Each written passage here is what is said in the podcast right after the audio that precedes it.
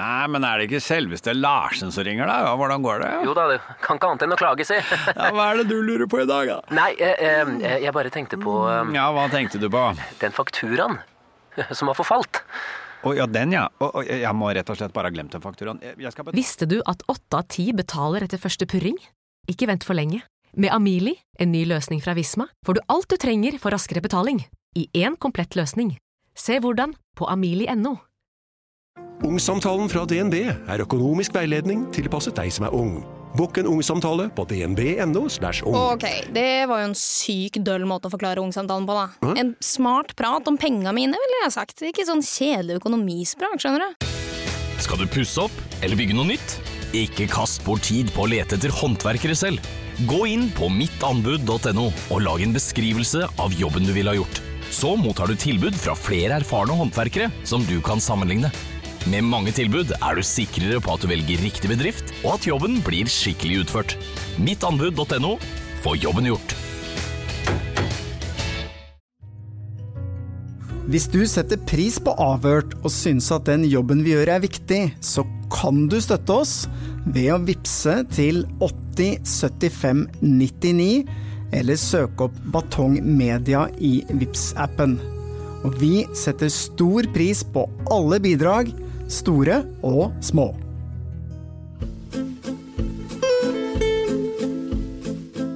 Er det likhet for loven? Det kan virke som om dette ikke stemmer i Sør-Øst politidistrikt. I hvert fall ikke når det gjelder tidligere ansatte i politiet. Dette er historien om kongen av Kongsberg.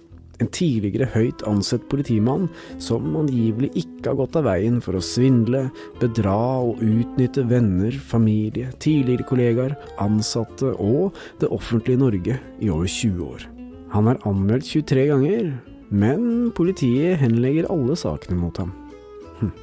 I denne podkastserien ser vi nærmere på forretningsvirksomheten til ekspolitimannen, og vi avdekker forhold som ikke bare er ulovlige, men i verste fall kan ha ført til at mennesker har blitt alvorlig syke.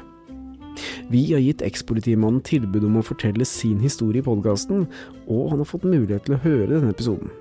Men han ønsker ikke å snakke med oss. Jeg har ingen kommentarer. Du tar kontakt med advokaten min, ok? Ja, det skal vi gjøre. Men et titalls personer som har blitt svindlet, utnyttet og utsatt for seksuell trakassering, har fortalt oss hva de har opplevd. det. Dette er Kongen av Kongsberg, en podkastserie fra Avhørt. Del fem. Pengesluket. Ja, Stein Morten, litt av en historie vi har hørt her nå. Ja, det var det jeg sa i forrige episode også.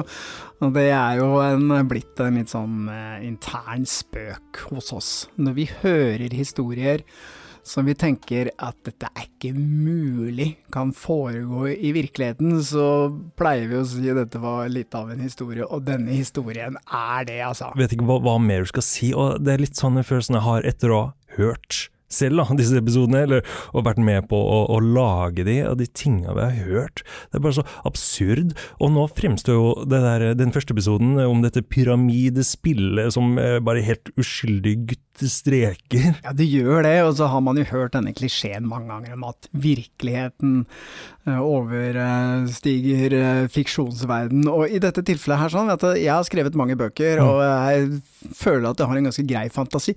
Jeg hadde ikke klart å komme opp med alle disse tingene hvis jeg hadde satt meg ned og prøvd å, å uh, spinne en fiksjonshistorie, da. Nei, for det blir too much, da. Da, da, da blir det ikke troverdig lenger. Når du har liksom historien om denne eh, tidligere politimannen som går over til å starte et pyramidespill, og så begynner han å drive et taxiselskap, det har vi ikke tatt med i vår historie engang, men det får bli en senere gang. Og, og han startet Sikkerhetsselskapet, brøyteselskap Helsehus og alt er jo drevet på samme måte. Ja. Det er jo snusk og lureri og svindel. Mm. Men det som er interessant, det er at jeg tror ikke det er mulig å holde på sånn i 20 år hvis ikke du har mennesker rundt deg som på mange måter tilrettelegger for at du kan holde på sånn. Mm. Eller snu ryggen til. Eller snu ryggen til, og ikke gjør noe med det. Mm. Fordi det er klart at uh, han er jo anmeldt 23 ganger. Politiet har henlagt alt sammen. De har ikke vært interessert i det hele tatt i å etterforske den fyren. Og hva med tilsynsmyndighetene? Altså du driver et helseforetak, et legesenter, som er ganske underlagt strenge regler og krav. Og jeg får følelsen av at de bare snudde ryggen til der også, bare latt han holde på. Og det sier jo litt om Tittelen på denne serien, 'Kongen av Kongsberg', jeg syns den er ganske god, fordi at eh, han opptrer jo som han er kongen på Kongsberg. Ja. Han gjør det. Og alle rundt han som da har til oppgave å sette stopp stopper for denne virksomheten, de, de, gjør ingenting. Vi hørte den legen som fortalte om eh, vaksiner som har gått ut på dato, og som i tillegg hadde blitt eh, satt i pasienter av ukyndige eh, personell. Ja, og du kan si at uh, denne, disse uregelmessighetene, kriminaliteten, kall det hva du vil, som har foregått i forhold til f.eks. For til sikkerhetsselskapet, så handler det jo stort sett bare om at ok, staten har tapt noen penger, og det er folk som ikke har fått betalt, altså det er økonomiske mm. ting, da. Men når du er liksom over på et helsehus, et legesenter hvor pasienter blir utsatt for alvorlig helserisiko, og de som jobber der, datt datteren hans blir utsatt for alvorlig helserisiko, så, så, blir det bare så mye mer alvorlig. For det handler ikke bare om at noen har tapt noen penger, det handler om at folk kan ha blitt alvorlig syke pga. denne praksisen, og det er alvorlig. Du har leger, psykologer, gynekologer, høyt utdanna fagfolk, og så har du denne ekspolitimannen som er daglig leder på den andre siden. Kan hvem som helst bare starte et helsehus, et legesenter? Kan vi gjøre det? Noen, hvem er det som gir eh, konsesjon eller lisens eller hva det er for å, for, for å, drifte og starte opp et sånt helsehus, da? Ja, hva kreves, ja. og hvordan følges det opp, ikke minst. Jeg vil jo tro at det er noen tilsynsmyndigheter her som skal sørge for at eh, driften er forsvarlig. Man kan jo ikke bare si lykke til, nå skal dere få lov til å drive et helseforetak. Altså man har jo et helsetilsyn. I eh, Kongsbergs tilfelle så er det jo Helse Sør-Øst som tildeler sånne her type offentlige avtaler, som gir ekspolitimannen da og hans styre tillatelse til å drive et helsehus. Så kanskje vi skulle tatt en telefon? Mm, så jeg tror at vi nå skal ringe til eh, noen voksne, i, forhåpentligvis, i Helse Sør-Øst, og høre hva de tenker om det vi har avdekket.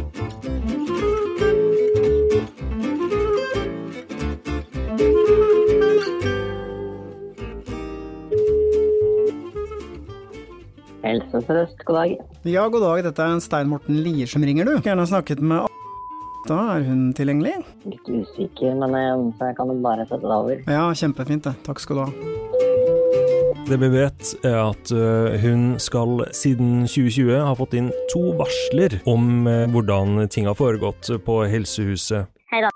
Hei du, dette er Stein Morten Lier som ringer, du. Jeg ringer fra en podkast som heter Avhørt.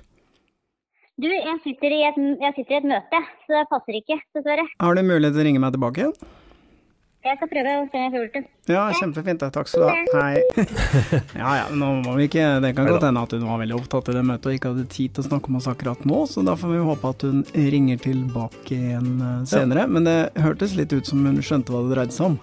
Ja, jeg fikk litt den følelsen. Kunne vi ringt uh, generelt til Sør-Øst? Vi ringer en gang til, og så prøver vi å få prate med noen som kan si noe fornuftig om uh, hvordan man håndterer varsler og tilsyn med Helse Sør-Øst, god dag. Jeg ringer fra en uh, eh, podkast, og så lurer jeg på om det er noen hos dere som kunne svart oss på noen spørsmål rundt uh, hvordan man følger opp uh, private helseforetak, og hva som skal til for å få lov å drive et privat helseforetak med offentlige avtaler og osv. Hvordan fører man tilsyn? Er det noen hos dere som kunne svart på det? Har du mulighet til å sende en e-post til oss med spørsmålet ditt? Ja, Er det ingen som kan svare på det? Må vi ta det på e-post? Vi vil helst ta det på e-post, ja. ja. Men det er jo bare generelle spørsmål rundt rutiner for hvordan man følger opp private helseforetak. Det er jo ikke noe angrep på noen. Nei, nei, ok. Jeg skal prøve en annen dame på sentralbordet her et lite øyeblikk. Ja, kjempefint. Takk skal du ha. Du, nå blir du bare satt over til en annen på sentralbordet. Hun turte ikke Helse Sør-Øst, god dag. Ja, hei du, dette er Stein Morten Lier som ringer, du. Det er helseforetak med offentlig avtale, hvordan man fører tilsyn osv. på generelt grunnlag. Er det noen som kan svare på det? Da skal jeg sette det over til pressevakt, der, jeg. Ja, kjempefint. Takk skal du ha. Ja, nå begynner det å nærme seg. Nå skal vi til pressevakta. Tippe, send e-post. Det her skal ikke skrives et eneste ord. Her skal jeg ha folk i tale. Og eh, jeg lurer litt på om vi kunne fått noen svar på hvordan man følger opp private helseforetak med offentlig avtale. Altså hvordan føres det tilsyn, og hvordan behandler man eh, eh, bekymringsmeldinger osv. Er det noen som kunne svart på det, tror du? I en podkast direkte, eller som bakgrunn? Nei, altså jeg ønsker å gjøre opptak i podkasten, altså, men det er ikke noe angrep på noen. Det er egentlig bare generell kunnskap om hvordan man følger opp private helseforetak. Er det, selv om det ikke er noe angrep på oss, jeg må alltid være forsiktig likevel, er det, har du noe case som du beskriver inn, eller er det generelt rundt problemstillingen private, eller? Det skal inn i en serie hvor vi har satt fokus på helsehuset på Kongsberg. Vi sitter på en del informasjon om at det har vært en del uregelmessigheter, men jeg skal ikke stille spørsmål direkte om uh, Kongsberg helsehus. Jeg er mer nysgjerrig på hvordan man følger opp private helseforetak. Og uh, hva som er kravene, og hvordan man jobber for å sørge for at de uh, jobber innenfor retningslinjene, da. Mm, mm, mm. jeg vet ikke om vi vil, men jeg skal absolutt høre. vil er ikke Når Nei, jeg skal gjerne hatt det så fort som mulig. Men vil, jeg mener er ikke det i allmenn interesse at eh, folk får høre hvordan uh, private helseforetak absolutt, absolutt. følges opp? Absolutt, Men spørsmålet er om det er vi eller om det er Helsedirektoratet i forhold til nasjonale retningslinjer for det. Ja, okay. Men uh, jeg, skal høre, jeg, skal høre, med de som sitter ansvarlig. Det var ikke meningen å være avvisende. Det var bare det jeg som tenkte litt høyt. Det går fint. Jeg, fin, jeg finner deg på det nummeret du ringer meg fra nå. Ja, det gjør du. Ja. Nei, men eh, du hører fra meg. Jeg skal ja. høre på huset her. Kjempefint, det. Takk skal du ha. Ok, ha det godt. Hei. Hei. Jeg trodde hun sa at hun ikke ville. Ja, hun men sa det. Det var ikke det. Hun sa vi. Hun var usikker. Nei, hun sa jeg er ikke sikker på at vi vil. Jeg vet ikke om vi vil, vil, vil. Da jeg korrigerte henne på det, så sa hun at uh, det var ikke meningen å være negativ.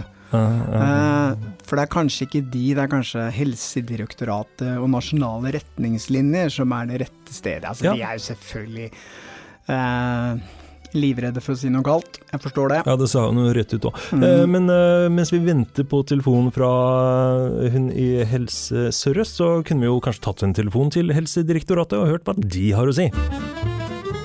Det var altså to ganger 47, 2020. Du er nå kommet til Helsedirektoratet. Vennligst vent på svar. Hva kan man si om Helsedirektoratet? da? Det er liksom fagdirektoratet og myndighetsorganer som skal bidra til å gjennomføre nasjonal Sentralbordet, god dag. Ja, hei du, dette er Stein Morten Lier som ringer, du. Jeg lurer på om det er noen hos dere som kan svare meg på noen spørsmål rundt Ja, det er jo fylkeslegen som har tilsyn eller Statens helsetilsyn som følger opp det. Men eh, okay. jeg kan sette deg over her, får du høre. Kjempefint. Takk skal du ha. Jeg syns det er veldig kort ventetid på telefon. Veldig. Det er veldig positivt. Hei du, dette er Stein Morten Lier som ringer, du. Hei du. Du, jeg ringer fra en podkast som heter Avhørt. Ja. Vi har jobbet en periode nå med å sette litt fokus på dette helsehuset på Kongsberg. Men eh, jeg forventer ikke at du skal svare på noe konkret om helsehuset på Kongsberg. Men jeg lurer litt på hvordan er det man følger opp eh, private helseforetak med offentlig avtale? Altså hvordan fører man tilsyn med slike foretak? Ja, altså det, vi har jo beskjed, vi har jo en egen avdeling som jobber opp mot akkurat dette her. Sånn, så jeg tror kanskje jeg skal prøve å koble dere opp mot de eventuelt. Ja, det har vært kjempefint det, altså. Eh, men det jeg kan sikkert Jeg må bare prøve å tenke hvor det hører hjemme hos oss. Eh, for det kan ligge mellom to forskjellige avdelinger. Okay. Jeg kommer akkurat fra et møte med politiet nå. Oh, ja. kunne, du ha, kunne du ha Kan du ikke bare sende politiet opp på Kongsberg, da? Det var det vi skulle gjort, vet du. Eh, kunne, du ha, kunne, du bare ha skrevet en veldig veldig kjapp e-post? Ja, kjempefint. Takk skal du ha. Eh, bare hyggelig. Vi snakkes. Supert. Ok, hei. Ja, øh, nå gikk det veldig fort her, men dette er altså Helsetilsynet du prater med nå. Eh, deres eh, viktigste oppgave er å holde tilsyn og kontroll med helse- og omsorgsinstitusjoner da, rundt omkring i Norge. De skal opprettholde rettssikkerheten og kvaliteten på tjenestene for alle grupper av brukere, står det skrevet på internett i hvert fall. Ja, du var veldig flink. det gikk så fort. Jeg ble kasta fra person til person, så jeg rakk liksom ikke lese lese opp facts eh, på veien. Men han hadde akkurat vært i møte med politiet, så kanskje det skjer et eller annet? Det er jo litt interessant da, at det skal være så vanskelig å eh, bare gjøre rede for hvem som sitter med ansvaret her. Han ene sa jo at det kunne hende at det lå mellom to avdelinger. Ja, jeg eh, oppfattet det også, at jeg kan ikke helt forstå at ikke det er litt sånn helt klare retningslinjer for hvem som skal følge opp disse tingene. Da kommer jeg med innspillet ja, det er kanskje det som er problemet, da. mm. Som du har sagt på telefonen her til eh, de aller fleste, var jo at det gjelder en generell henvendelse om hvordan man f.eks. gjør oppsyn med et eh, sånn privat helseforetak som Helsehuset på Kongsberg, og det burde jo være helt uproblematisk å svare på. Det burde nesten eh, hun på sentralbordet kunne svart på, spør du meg. Spør du meg, så burde det være sånn Dette skal du vite intro dag én når du starter å jobbe der. Ja, nå har vi pratet med veldig mange her, og jeg er fremdeles ikke helt sikker på hvem som sitter med ansvaret. Men uh, har du fått noe svar, eller? Ja, etter å ha ringt rundt til eh, Helsedirektoratet og Helsetilsynet og Sør-Øst uh, osv., så, så, så fikk jeg til slutt altså et uh, svar fra Helse Sør-Øst. Ja. Og da står det at uh, Helse Sør-Øst har avtale innenfor radiologi med for Telemark og Vestfold sykehusområde med virksomhet i Sandefjord. Mm. Oppfølging av våre private leverandører skjer gjennom månedlige rapporteringer og regelmessige oppfølgingsmøter. Ved avviksmeldinger eller funn av avvik gjennom de månedlige rapportene følges disse nøye opp. Ok, ok, Så avvik skal registreres gjennom rapporteringer som Helsehuset selv står for? Ja, så vidt jeg leser ut fra dette, så er det det det står, altså. Okay. At de skal rapportere månedlig, og så skal det gjennomføres noen møter, da. Ja. Eh, ok. Eh, Brannfakkel. Ting har ikke blitt gjort ordentlig. Eh, jeg bare kaster den ut der. Hvis de har regelmessig oppfølging hver eneste måned, og han har holdt på nå i x antall år å gjøre alle de tingene som vi har avdekket, ja. så vil jeg jo påstå at kanskje den måten de følger opp på, ikke er helt tilstrekkelig. Det er en brannfakkel, ja. ja, det er brannfakkel. Sterk, sterk mening. ja, ting skulle blitt fanga opp for lenge siden. Vi har jo ikke fått noe svar på hva som skal til for å etablere og, og få liksom, konsesjon, lisens, for å drive sånn helsehus. I og med at uh, det på papiret i hvert fall er såpass strenge hva skal jeg si for noen kontrollrutiner med private helsehus, så vil jeg også tro at det å få tillatelse i første omgang til å drive et helsehus, at du må gjennom en ganske voldsom papirmølle og, og, vise at du er kvalifisert til å gjøre det. De som starter opp et sånt helsehus, de som sitter i styret, de som sitter på mesteparten av aksjene, jeg tenker at det er jo naturlig at de har en viss interesse og kunnskap, eh, bakgrunn kanskje, da, fra, fra, noe med helse å gjøre? Jeg vil jo tro at uh, når du starter noe sånt, så, så vet du litt om den bransjen uh, du starter opp i, og du har en relevant kompetanse. Jeg forstår jo det at de knytter til seg fagpersoner som leger osv., men jeg tenker jo at de som skal sitte i styret og som skal eie dette selskapet, det er jo naturlig at de kanskje har en eller annen bakgrunn fra helsesektoren, da. Så, men vi kan jo se litt nærmere på hvem som sitter i styret i Helsehuset. Ja, vi har jo hørt uh, lite grann fra noen av dem. Vi kan jo ta en liten recap her. Du, uh, jeg forstår det slik at du satt i styret i dette helsehuset på Kongsberg, stemmer det? Ja, men jeg er ikke interessert i Men du er ikke interessert i å snakke om det? Nei, jeg er bare et Passivt styremedlem. Passiv styremedlem, hva betyr det? Ja, jeg vil ikke være med på det. Ok, du har satt jo i styret, yes. så du har jo på mange måter Ja da, jeg sitter i styret, ja da. Så du, du har jo et ansvar for hva som har foregått der da? Ja ja, det har vi vel gjort, uh, gjort opp og ordna opp alle sammen der, da. Så det er bra. Uh, ja. Dette er Jeg har vært blanda inn i noe som jeg absolutt ikke har noe kontroll over. Har du fått svar fra meg. Jeg har ingen kommentarer. Du tar kontakt med advokaten min. OK? Nå bare følg reglene, du. For dette, jeg følger med Ørgestein og hva dere gjør for noe. OK? Det høres ut som en gjeng som ikke har noe å skjule. Absolutt. Jeg er liksom mer interessert i å se hva slags bakgrunn har disse folkene. Altså Har de noe slags kunnskap om helsetjenester i det hele tatt? Mm. Eller hva er det de Hvor er det de kommer fra? Ja, Ekspolitimannen kjenner vi jo til. Han har jo bakgrunn som politimann, da. Han har òg drevet et drosjeselskap på Kongsberg. Han har bygd opp denne pyramidespillet VGI. Eh, som floppa ganske greit. Eh, han jobba med sikkerhetsselskapet, Sølvberg Sikkerhet, hvor han uh, skaffa politifolk da, som han betalte svart. Og, og dette brøyteselskapet, det må vi ikke glemme. Eh, måka snø nede i Kongsberg der. Og så var det over til å plutselig skulle starte Helsehuset. Denne ekspolitimannen er jo den som er daglig leder. Han har òg flest aksjer i dette selskapet, det skal vi komme tilbake til etterpå. Men la oss se litt nærmere på denne styrelederen og hva slags bakgrunn han er da. Han er jo snekker. Ja. Han har drevet et uh Snekkerverksted? Ja, men Det kan jo være fint på et sånt helsehus å ha en snekker. Plutselig er det noen, noen, eh, lister som må uh, fikses på, kanskje det må uh, etterisoleres, jeg vet ikke hva. En snekker er jo alltid fint å ha til å fikse et hus. Ikke til å sitte som styreleder og drifte et legekontor. Nei, kanskje litt, litt liten kompetanse i forhold til et helseforetak. Denne styrelederen har, har spytta inn mellom fire og fem millioner inn i, i eh, denne eksportimannens uh, selskaper, så jeg, jeg skjønner kanskje da at han føler seg litt fanga. Ja, det er en ganske stor investering, så han er vel ikke kjempeinteressert i å miste penga sine, vil jeg tro. Nei. Vi har jo det passive styremedlemmet, da. Vi har et passivt styremedlem, han sa det selv. Ja.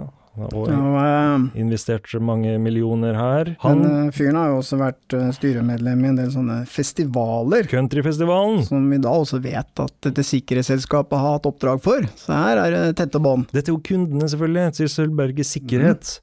Countryfestival i Ja, han er jo øh, daglig leder. Hans bakgrunn er elektriker. Enkelt og greit. Og nyttig å ha på et uh, helsehus. Lyspærer som skal skiftes, og, og henge opp ny lampe, kanskje noen sikringer som går. Eh, sånne type ting, da. Men kanskje ikke til å sitte i et styre for et helsehus. Nei, jeg syns det også er litt sånn begrensa med kunnskap i forhold til det. Altså har vi et styremedlem som eh, driver regnskapsservice. Ja. Han har også investert ganske mange millioner. Og han er også involvert i den derre countryfestivalen og festivalen. Ja. Uh, ok, skjønner. Så det er tette, tette bånd mellom eh, denne her eh, firerbanden, som sitter altså på 75% av aksjene i dette helsehuset.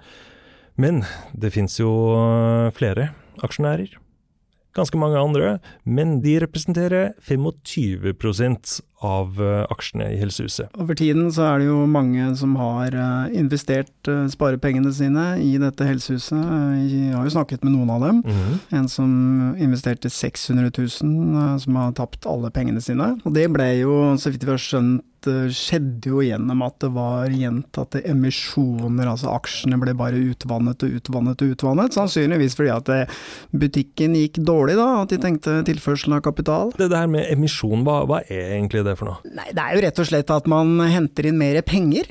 Uh, la oss si f.eks. dette firmaet her, da, hvor vi er en tredjedel hver. og det begynte å gå kjempedårlig, og vi ikke hadde penger til husleia. Og så sier f.eks. du at eh, ja, men ok, så kan jeg spytte inn en million kroner, da. Mm. Og da kan man gjøre en emisjon med å spytte inn de pengene, men det betyr jo at uh, aksjefordelingen blir annerledes. Plutselig så eier ikke vi en tredjedel hver lenger, da eier kanskje du 50 da, så er vi nede på 25.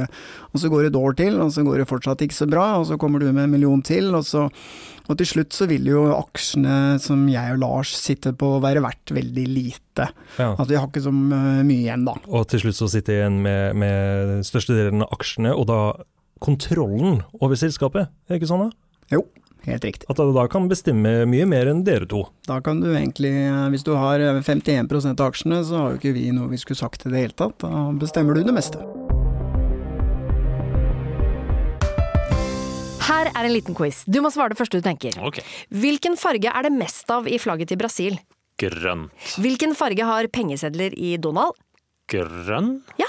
Hvilken farge har bedriftshelsetjenesten som passer best for mindre bedrifter? Grønn? Ja.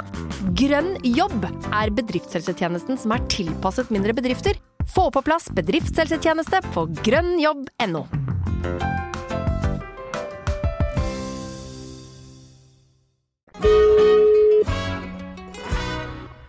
Uh, hallo? Hei du, dette er Stein Morten Lier du, fra podkasten Avhørt som ringer. Ja, hei. Hei, hei. du. Du, vi jobber jo med en sånn eh, podkastserie om uh, hans forretningseventyr. Ja, jeg hørte Du har hørt rykter? Jeg har hørt rykter om det, ja.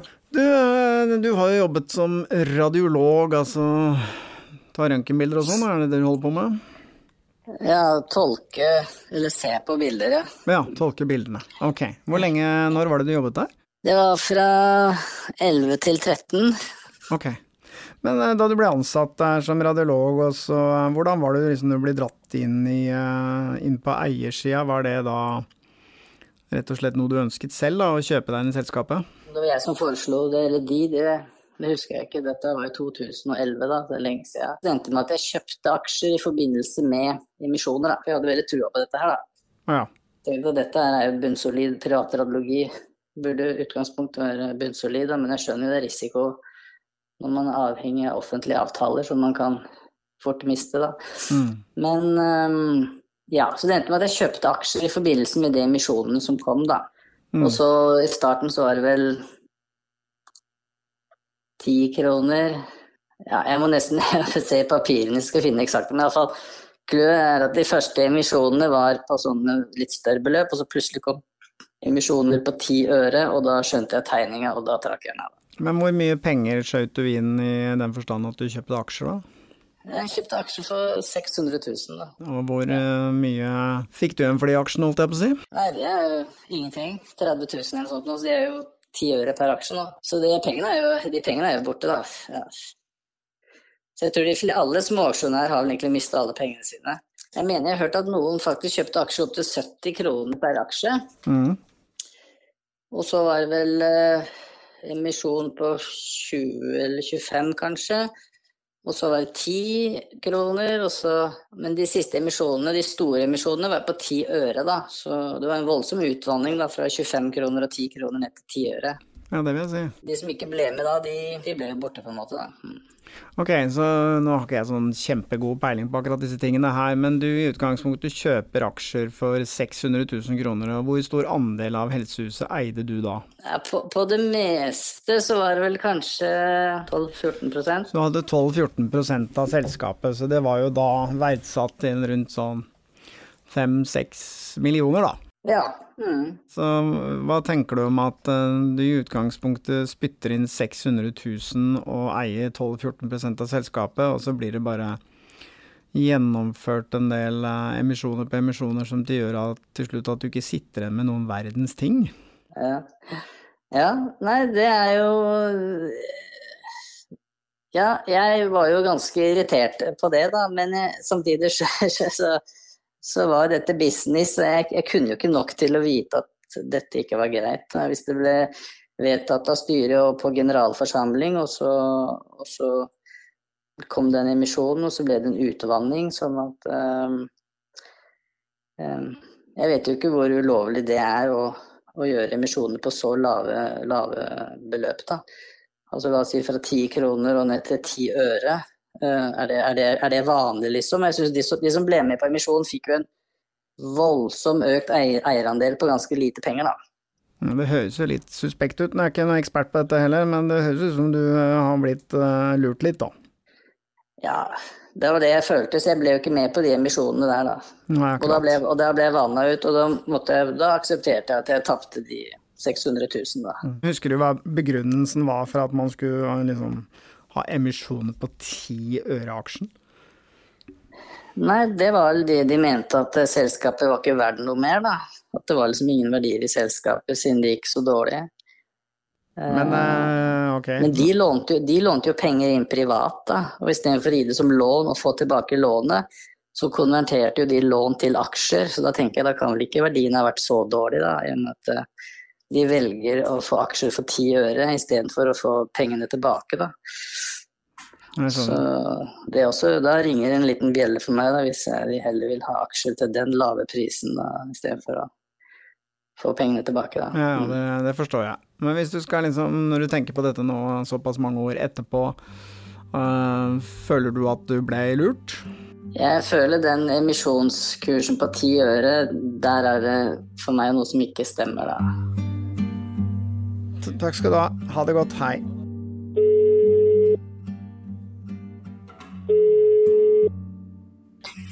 Men hvor mye penger har du putta inn i dette selskapet, da? 250 000 har jeg brukt på det. Ok, Hva er den aksjeposten din verdt i dag, da? Det er den verdt noe? Ja, okay. jeg er litt usikker på om det er verdt noe i det hele tatt. På grunn av emisjonene, da, eller? På grunn av emisjoner, ja. ja. Ok, Så du har egentlig bare blitt vanna ut og vanna ut? Så det er hele, hele tida utvanning og utvanning og utvanning og utvanning. Mm. Men eh, har dette helsehuset gått noe med overskudd og sånn? Har du Aldri, aldri i min tid mens jeg har sittet der, når vi har vært på generalforsamling sånn, så har vi hele tida prøvd å få inn folk i styret. Mm. Og det har jo aldri vært aktuelt. Vi har jo aldri fått inn noen folk i styret, for det, er, det, har, ikke, det har blitt nedstemt av styret. Men så du har ikke vært i styret? Nei, jeg var, jeg var ikke interessert heller, men vi hadde flere som var interessert i det. På en måte blei oppfordra til å investere sparepengene mine, for det skulle gi meg seksgangen i penger tilbake. Hvordan er det gått? Har du fått tilbake seks ganger så mye? Jeg har ikke fått tilbake så mye som et rødt øre fra Helsehuset. Det varte jo ikke veldig lenge før det kom kjempeemisjoner. Og det var jo planlagt fra start én. Ja, og da, da ble hele din, din aksjepost vanna ut? Ja, det var jo ikke verdt uh, noen ting. Føler du at du har blitt svindla, eller? Ja, rett og slett. Ja. Det er, uh, det er sånn kynisk. Uh, det er så på kanten. Og det som er på en måte greia, da han balanserer på kniveggen. og på en måte om du detter ned på feil eller rett side av lovverket når man blir konfrontert, så klarer man ikke bevise fordi at han er så kynisk smart. Jeg skjønner. At uh, han etterlater ikke på en måte sporbare ting, eller uh, hvis jeg på en måte skulle vitne mot han, så, så har ikke jeg sterke nok bevis til å si at han skal, kan straffeforfølges. Men eh, det aller rareste er jo det at eh, når man anmelder, så får man brev om mottagelse av anmeldelsen, og så får man avslag i samme konvolutt omtrent. Det breva ligger i postkassa samtidig. Hvorfor tror du at det er slik? Hvorfor tror du ikke politiet er noe interessert i å se nærmere på det? Nei, jeg tror jo det at uh, har en finger oppi et eller annet uh, han har noe på alle som eh, ikke tåler dagens lys.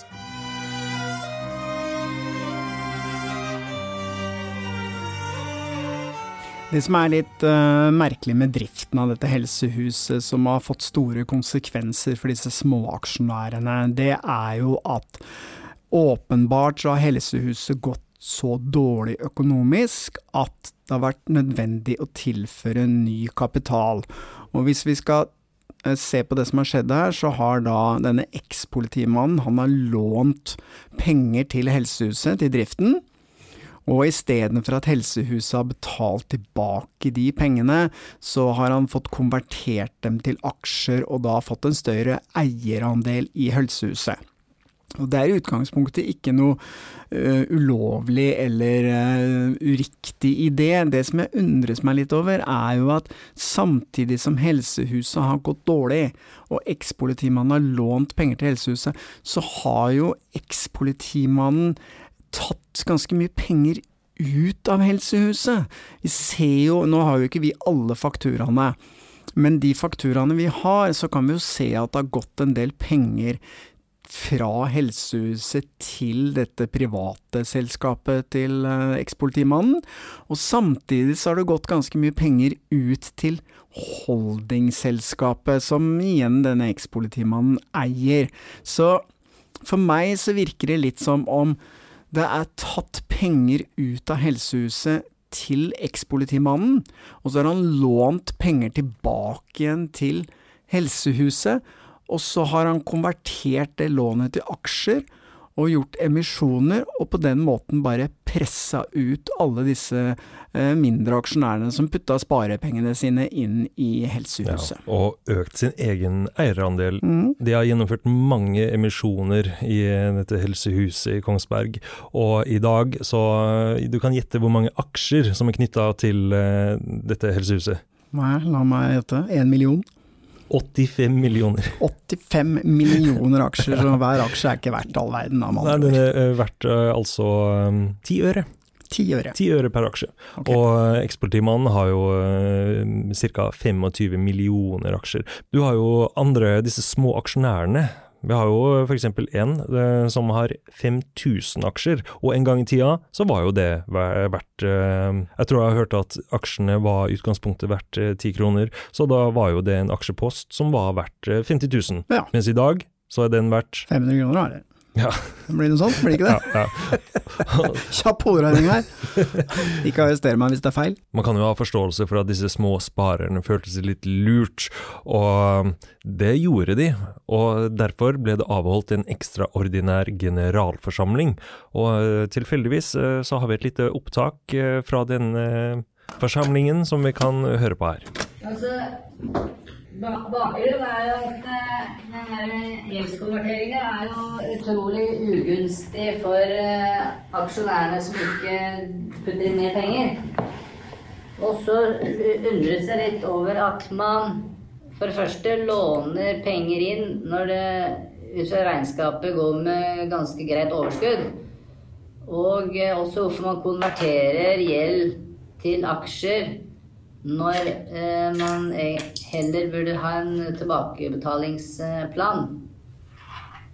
For det, er, det, blir jo det blir utvanning av aksjonærene, som er jo ugunstig for småaksjonærer.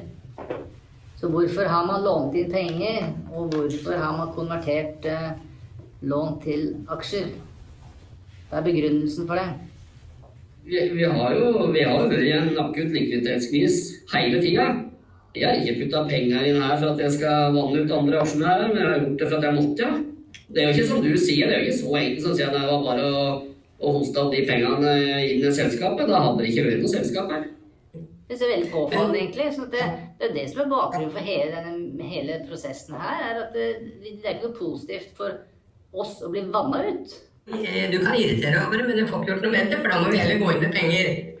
Jo, men Så, eh, når, man, når man verdsetter en aksje til ti øre, så er jo det en veldig grei oppskrift på å vanne ut. Det er helt absurd.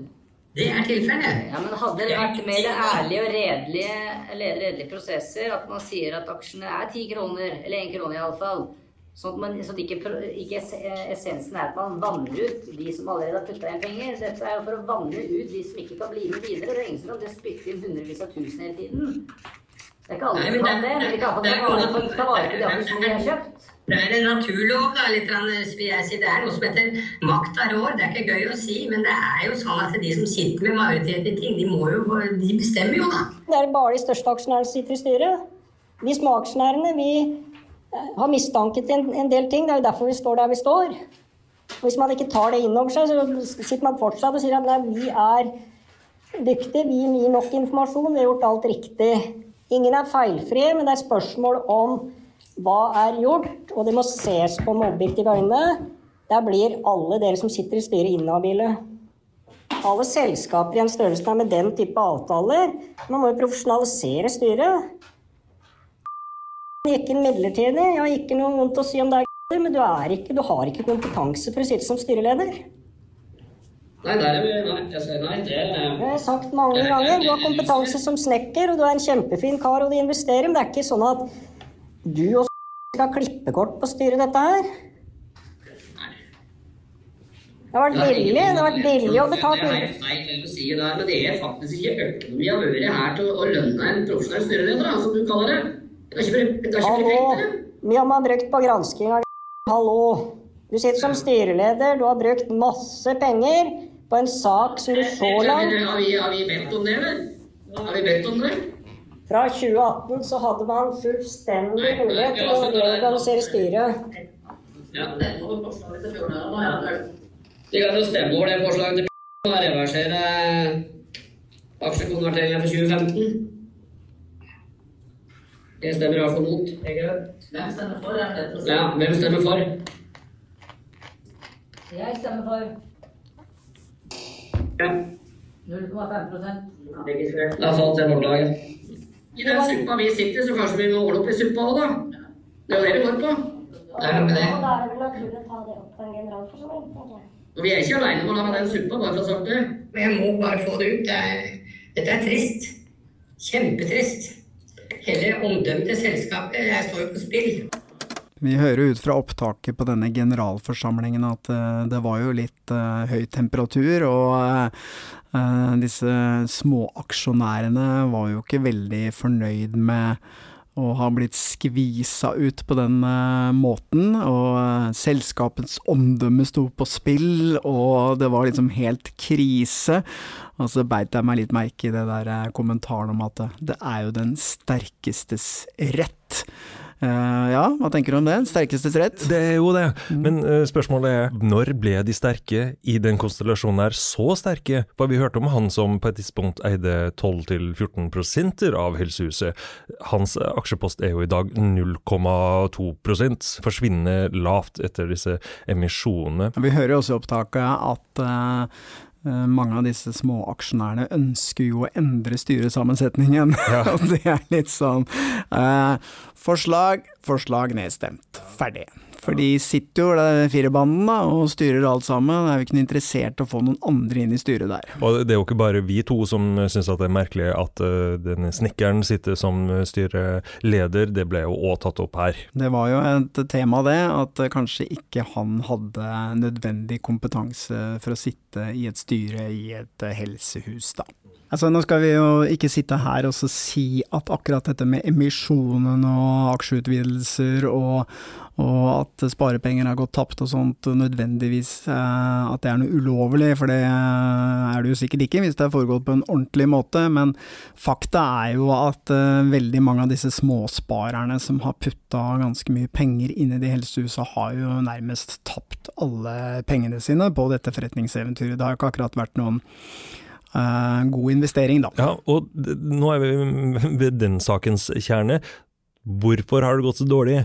Jo, kanskje det er da fordi at du har en eh, inkompetent eh, daglig leder, en snekker som styreleder, en elektriker som styremedlem, ikke sant. Det kan jo hende at det er en uh, sammenheng her. Kan hende. Hvordan... Tror, du at det kan hende at det har en sammenheng, Stein Morten? det har nok en uh, sammenheng, det, det som jeg se, se, se, Litt tilbake til den uh, fine parallellen din med å bruke vårt selskap som eksempel. Altså, bare se for deg vi to og Lars skulle starta et legesenter sammen. Hæ?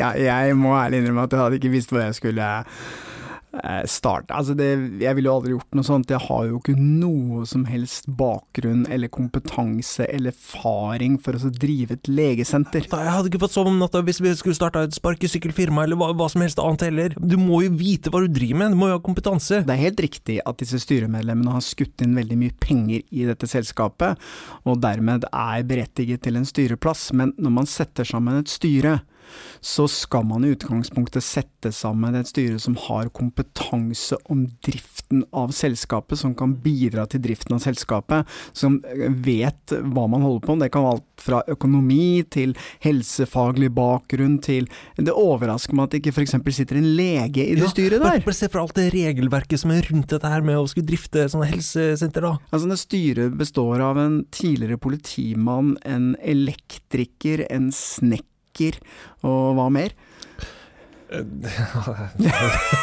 altså, og ikke til forkleinelse for de som er snekkere og elektrikere, som og sidestiller meg selv med de, kan like så godt si podkastere der. Skulle heller ikke vært noen podkastprodusenter inn i styret i Helsehuset i Kongsberg.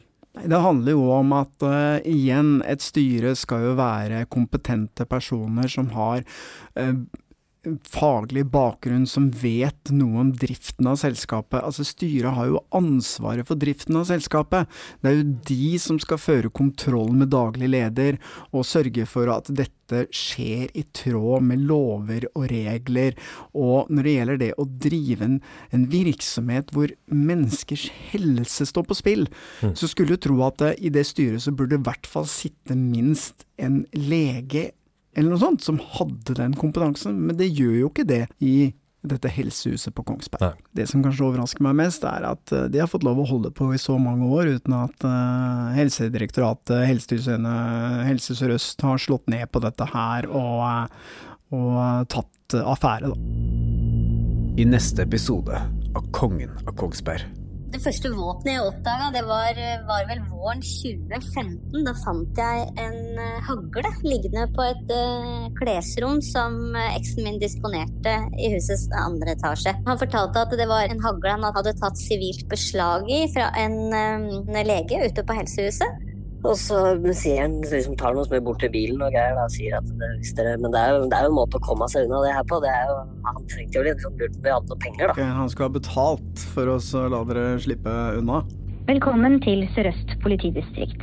Uh, altså uh, Jeg mente jo at du både har sendt mail og du har fått et svar for ikke så altfor lenge siden. Nei, det var nok eh, NRK.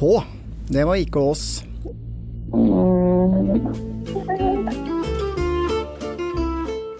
Vi har vært i kontakt med ekspolitimannens advokat, som har fått mulighet til å høre hele denne episoden, men han har valgt å ikke komme med noe tilsvar. Men styrelederen han ønsker å komme med en kommentar. Dette er altså denne styrelederen med snekkerbakgrunn. Han starter med at han reagerer sterkt på de tingene som kommer frem i podkasten. Eh, det går over til å det vil eh, karakteriseres som eh, sjikane av oss som har produsert denne podkasten, så jeg ser ikke noen grunn til å gå videre inn i det, men mot slutten så skriver han at eh, alt vi kommer med av påstander har tidligere vært til behandling i den sivile tvisten, det økonomiske oppgjøret mellom to parter etter samlivsbrudd. Denne konflikten som han refererer til her, er jo ikke noe som har vært en del av denne podkasten i det hele tatt. Han skriver videre at påstanden er tilbakevist og blankt avvist. Både i tingretten og lagmannsretten, og den sivile dommen er endelig avgjort i Høyesterett. Dette har dere ikke tatt hensyn til i det hele tatt, heller ikke at tre av dommerne i lagmannsretten etter domsavsigelse ble anmeldt for tjenesteforsømmelse og korrupsjon. Ja, det, det, høres jo veldig interessant ut, da. Kanskje dette er noe man skulle sett på videre? Ja ja, øh, vi skal i hvert fall lage én episode til, så kanskje bli med der, da. Avhørt er produsert av Batong Media. Redaksjonen vår består av Stein Morten Lier, Helge Molvær og Lars Christian Nygårdstrand. For å komme i kontakt med oss og se eksklusivt innhold, følg oss på Facebook og Instagram.